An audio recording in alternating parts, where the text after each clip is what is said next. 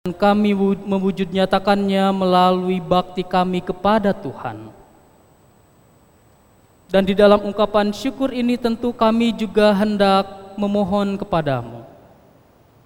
Supaya ketika kami memperingati hari ulang tahun kemerdekaan negara kami ini, kami juga tetap senantiasa dapat diingatkan oleh Tuhan sendiri.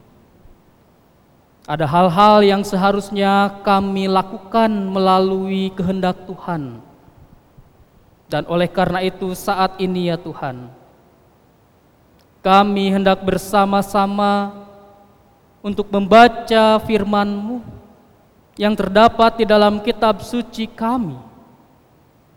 Kami memohon sebelum kami hendak membacanya, berkenanlah Tuhan melalui kuasa Roh Kudus untuk dapat menggubahkan setiap hati dan pikiran kami supaya sungguh kami bukan hanya dapat menerima firman itu, tetapi sungguh-sungguh menghayati setiap perkataan dan firman Tuhan tersebut. Sehingga hidup kami ini dikuasai oleh firman-Mu. Dan hanya roh kuduslah yang memampukan kami untuk kami dapat melakukannya. Sehingga dalam kehidupan keseharian kami, nyatalah firman Tuhan itu. Kami lakukan dan terapkan Hambamu yang menyampaikan Tuhan juga yang memperlengkapinya. Supaya setiap perkataannya tetap berasal dan bersumber hanya dari Tuhan saja. Ya Tuhan, berbicara kepada kami. Kami mendengarkan. Hanya di dalam dan melalui Yesus Kristus Sang Firman yang hidup, kami berdoa. Amin. Ibu bapak, saudara-saudari, saat ini kita hendak membaca bagian dari firman Tuhan yang terambil dari Galatia 5 ayatnya yang pertama sampai dengan yang ke-15.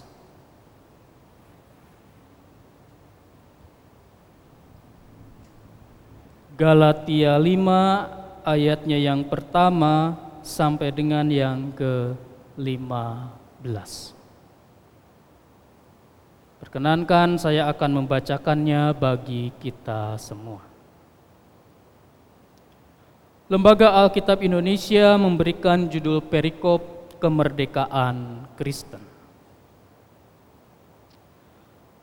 Supaya kita sungguh-sungguh merdeka, Kristus telah memerdekakan kita karena itu berdirilah teguh dan jangan mau lagi dikenakan kuk perhambaan.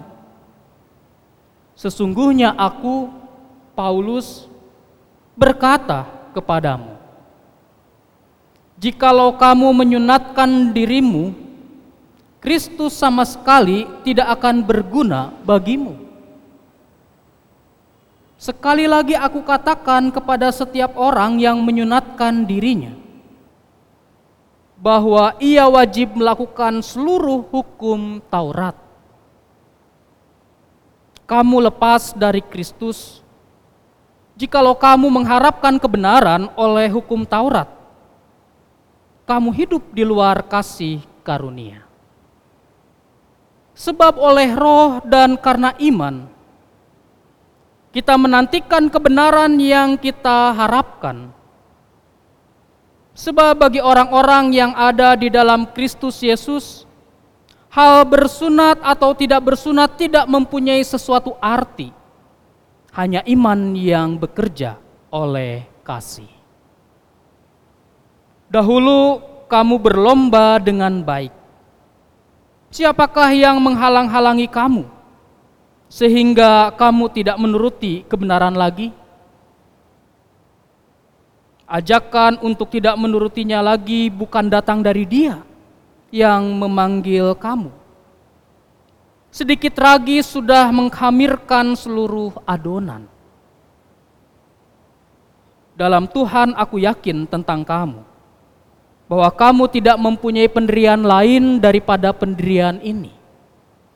Tetapi barang siapa yang mengacaukan kamu, ia akan menanggung hukumannya, siapa pun juga dia. Dan lagi aku ini, saudara-saudara, jikalau aku masih memberitakan sunat, mengapakah aku masih dianiaya juga? Sebab kalau demikian, salib bukan batu sandungan lagi. Baiklah mereka yang menghasut kamu itu mengebirikan saja dirinya. Saudara-saudara, memang kamu telah dipanggil untuk merdeka. Tetapi janganlah kamu mempergunakan kemerdekaan itu sebagai kesempatan untuk kehidupan dalam dosa. Melainkan layanilah seorang akan yang lain oleh kasih. Sebab seluruh hukum Taurat sebab seluruh hukum Taurat tercakup dalam satu firman ini yaitu kasihilah sesamamu manusia seperti dirimu sendiri. Tetapi jikalau kamu saling menggigit dan saling menelan, awaslah supaya jangan kamu saling membinasakan. Sampai sedemikian jauh pembacaan kita saat ini dan yang berbahagia ialah setiap kita yang bukan hanya bersedia membaca firman Tuhan, tetapi dapat mendengarkan, merenungkan, memelihara, terlebih dapat melakukan firman itu dalam kehidupan sehari-hari. Haleluya!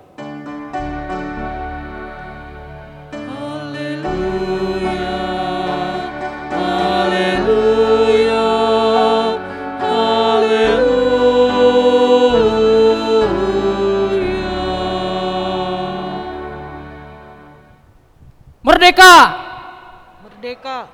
Ya, Bapak Ibu, saudara-saudari yang dikasih, yang dikasih Tuhan, seperti yang kita ketahui bersama bahwa kita GKP Bandung memang tidak melakukan kebaktian syukur hari ulang tahun kemerdekaan Republik Indonesia yang ke-75 pada tanggal 17 Agustus yang lalu.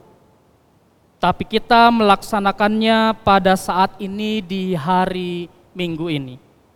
Itulah kenapa Bapak Ibu Saudara-saudari semua dapat melihat ada ornamen atau nuansa HUT RI, baik misalkan di belakang saya ada bendera gitu ya, ataupun mungkin saya tidak tahu di slide nyanyian yang bisa Bapak Ibu akses di rumah dalam kebaktian live streaming ini nuansanya mungkin nuansa-nuansa uh, masih dalam rangka kemerdekaan negara Republik Indonesia. Bapak Ibu saudara-saudari yang dikasih Tuhan, dari tahun ke tahun menjelang atau dalam rangka memperingati hari ulang tahun negara kita, maka pertanyaan abadi sekaligus pertanyaan kontekstual yang selalu muncul biasanya adalah apa makna kemerdekaan bagi Anda? Apa makna kemerdekaan bagi Anda? Jawabannya pasti tergantung dari berbagai sudut pandang. Ada yang menjawab merdeka itu bebas dari kekerasan seksual terhadap anak dan perempuan. Berarti sudut pandangnya ya dari kekerasan seksual. Seperti kita ketahui kekerasan terhadap anak dan juga terhadap perempuan masih marak terjadi. Juga khususnya di Indonesia ini. Yang terakhir, kalau misalkan Bapak Ibu e, melihat berita, ada seorang anak yang masih berusia 14 tahun kalau tidak salah, ya. Bahkan usia tersebut sudah melahirkan melalui sesar dan pelakunya itu adalah laki-laki yang berusia sekitar 41 tahun. Setelah itu si ibu atau anak yang berusia 14 tahun ini tanda petik dilarikan oleh laki-laki ini dan diketemukannya di Sukabumi. Saya tidak tahu di antara Bapak Ibu ada yang mengikuti tidak berita itu. Sudut pandangnya dari kekerasan. Ada juga yang menjawab Misalkan merdeka itu ketika rakyat bisa mengakses internet secara mudah.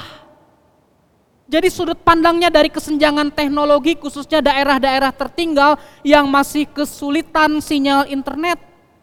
Sehingga ada selorohan yang mengatakan kalau mau beli HP beli juga sinyalnya.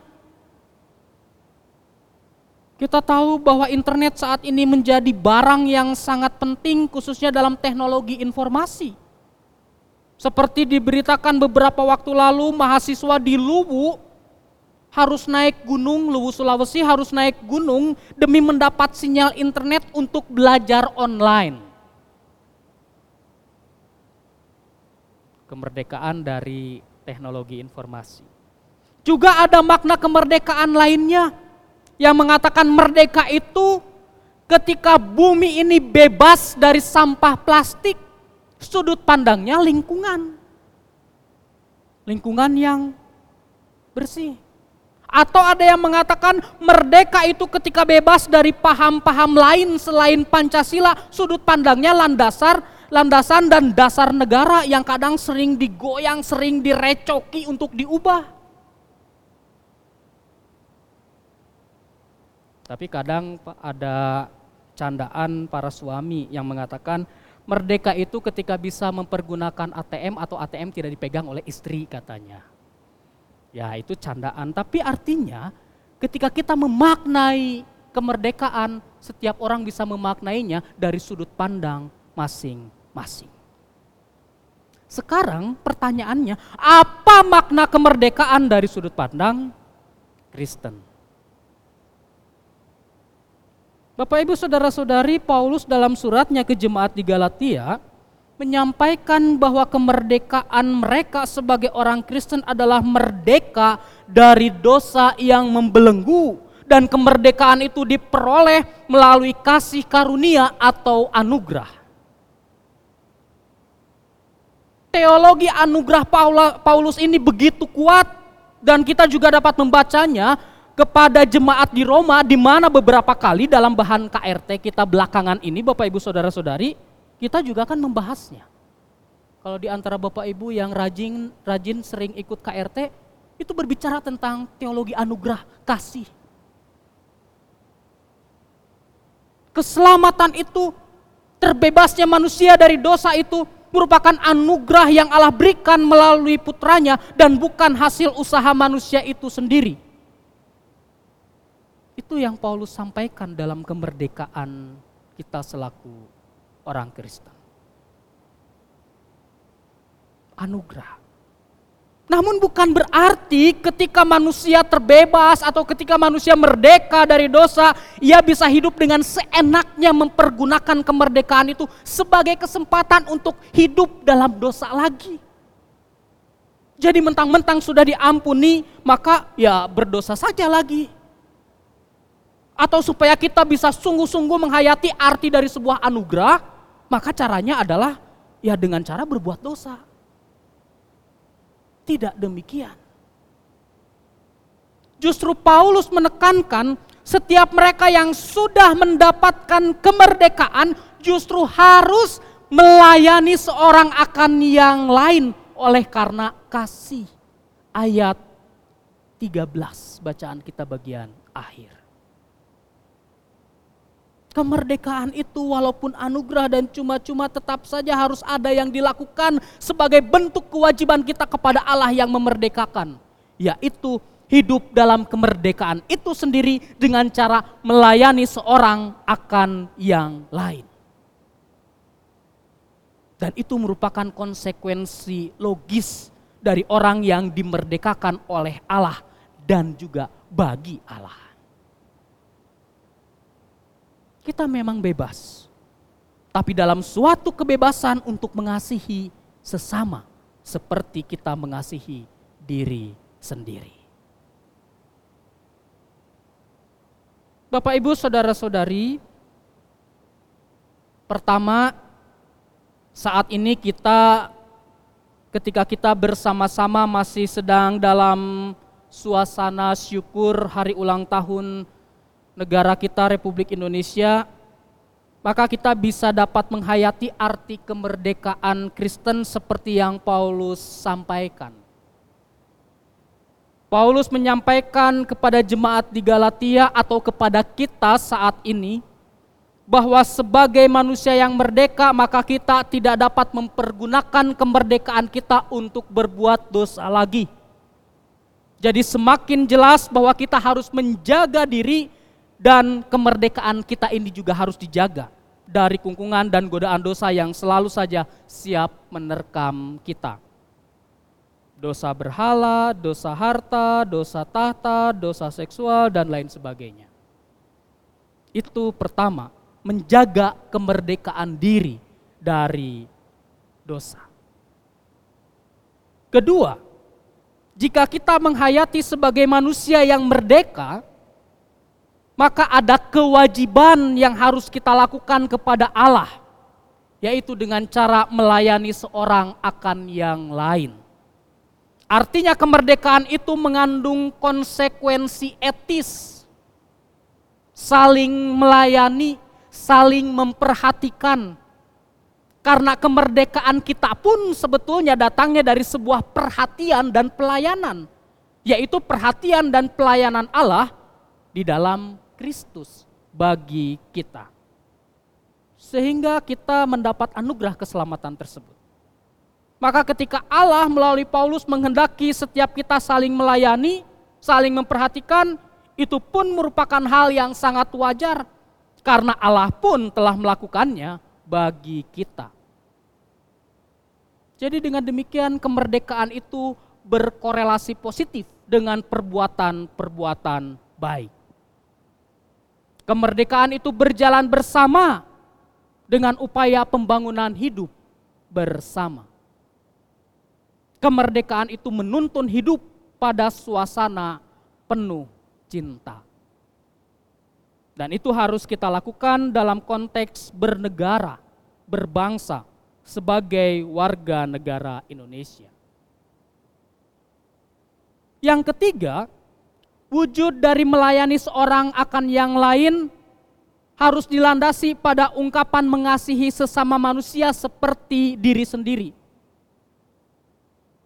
bagaimana kita bisa mengasihi diri sendiri, seperti itulah kita harus mengasihi sesama manusia. Ya kalau gitu contoh konkret dan sederhananya ya menjadi sangat mudah. Contoh konkret dan sederhananya, sederhananya pada konteks sekarang ini adalah kalau memang Bapak Ibu melihat saya tidak pakai masker, tapi sebetulnya kan saya pakai masker sebelumnya bersedia menggunakan masker ketika bepergian dan khususnya ketika bertemu orang lain. Sederhana sekali. Ketika kita selalu menggunakan masker, kita sedang sama-sama menjaga. Ketika kita selalu menggunakan masker, kita sedang menjaga diri sendiri, sekaligus kita juga sedang menjaga orang lain. Ketika kita selalu menggunakan masker, kita sedang sama-sama mengasihi, mengasihi diri sendiri sekaligus mengasihi orang lain. Jangan merasa sehat sendiri lalu tidak menggunakan masker ketika bertemu orang lain. Komo bari jeng balagu nyebut lamun covid teh eueuh ngan saukur rekayasa hungkul jelema nu kitu mah kudu kena heula ka karasa biasana.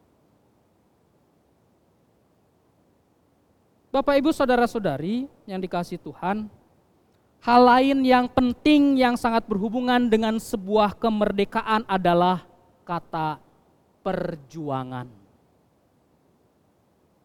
Kita menghayati bahwa kemerdekaan Kristen dari kungkungan dosa merupakan sebuah anugerah. Namun bukan berarti setiap orang berhenti untuk berjuang. Mereka atau kita tetap harus berjuang. Setidaknya berjuang untuk mempertahankan kemerdekaan yang telah kita terima. Begitu pula kemerdekaan negara Indonesia ini terlepas dari kalahnya Jepang oleh sekutu dengan dibomnya Hiroshima dan Nagasaki 6 Agustus 1945 yang lalu yang mengakibatkan Jepang menyerah dan Jepang keluar dari Indonesia gitu ya. Namun sebagai rakyat Indonesia, dulu kita selalu berjuang untuk kemerdekaan ini. Nah sekarang pun kita akan selalu terus berjuang, jangan berhenti untuk berjuang. Karena bukan berarti dengan kita telah merdeka Bapak Ibu Saudara-saudari, kita berhenti berjuang. Justru atau setidaknya kita berjuang untuk mempertahankan kemerdekaan yang telah kita raih ini. Di bagian awal pembukaan tadi, kita masih saat ini disampaikan belum merdeka dari pandemi COVID-19. Karena itu masih harus terus berjuang. Bahu-membahu satu dengan yang lain, bersatu padu. Dan bukan hanya negara Indonesia, yang belum merdeka dari COVID ini, seluruh negara yang ada di dunia ini. Oleh karena itu, seperti halnya yang Paulus sampaikan, saling tolong menolong, melayani seorang akan yang lain, itu salah satu bentuk perjuangan kita supaya kita dapat merdeka dari COVID-19 selain tentunya para ilmuwan sedang mencari serum-serum tertentu yang kiranya di kemudian hari bisa dapat diketemukan dan kita dapat merdeka dari COVID-19. Bapak Ibu Saudara-saudari yang dikasih Tuhan, saya ingin mengakhiri perenungan ini dengan sebuah refleksi akan kemerdekaan. Refleksi ini karya teman semasa kuliah saya dulu dan dan saya juga sudah izin kepadanya. Judulnya merdeka tak sampai di sini.